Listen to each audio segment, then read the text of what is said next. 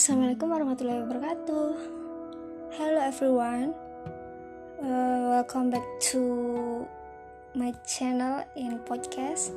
And today I will to tell you story about the princess and the bee.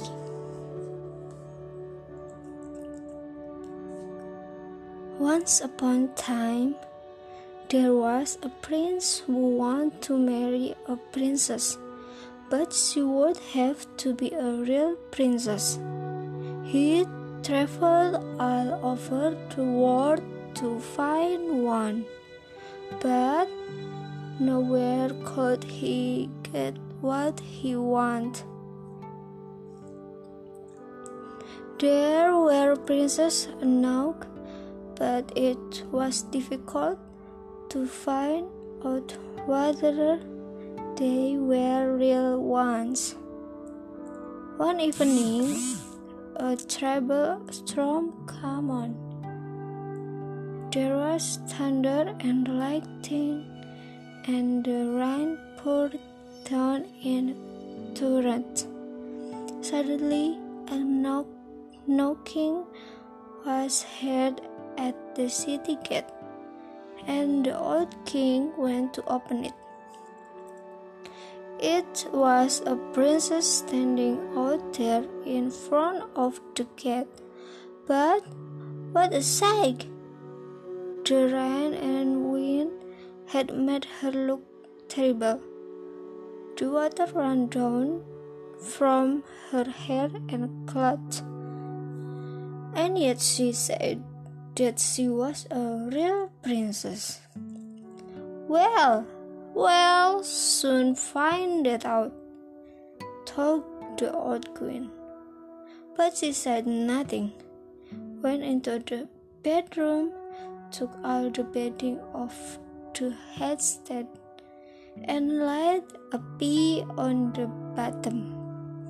Then she took twenty mothers and laid them on the pea. And then 28 down bed on top of the mothers. On this the princess had to lie all night. In the morning she was asked how she had slept. Oh, very badly, said she. I have scarcely close my eyes all night, even only know what was in the bed. But I was lying on something hard, so that I am black and blue all over my body. It's horrible. No, they knew that she was a real princess because she had felt the bee right through the twenty mothers and the twenty other down bed. Nobody but a, a real princess could be as sensitive as that. So the prince took the so the prince took her for his wife, for now he knew that he had a real princess. And the end. The end. Sorry about my learn about my English language, but I'm still learn for English language. Have a nice day. Have a nice day. See with me. Thank you for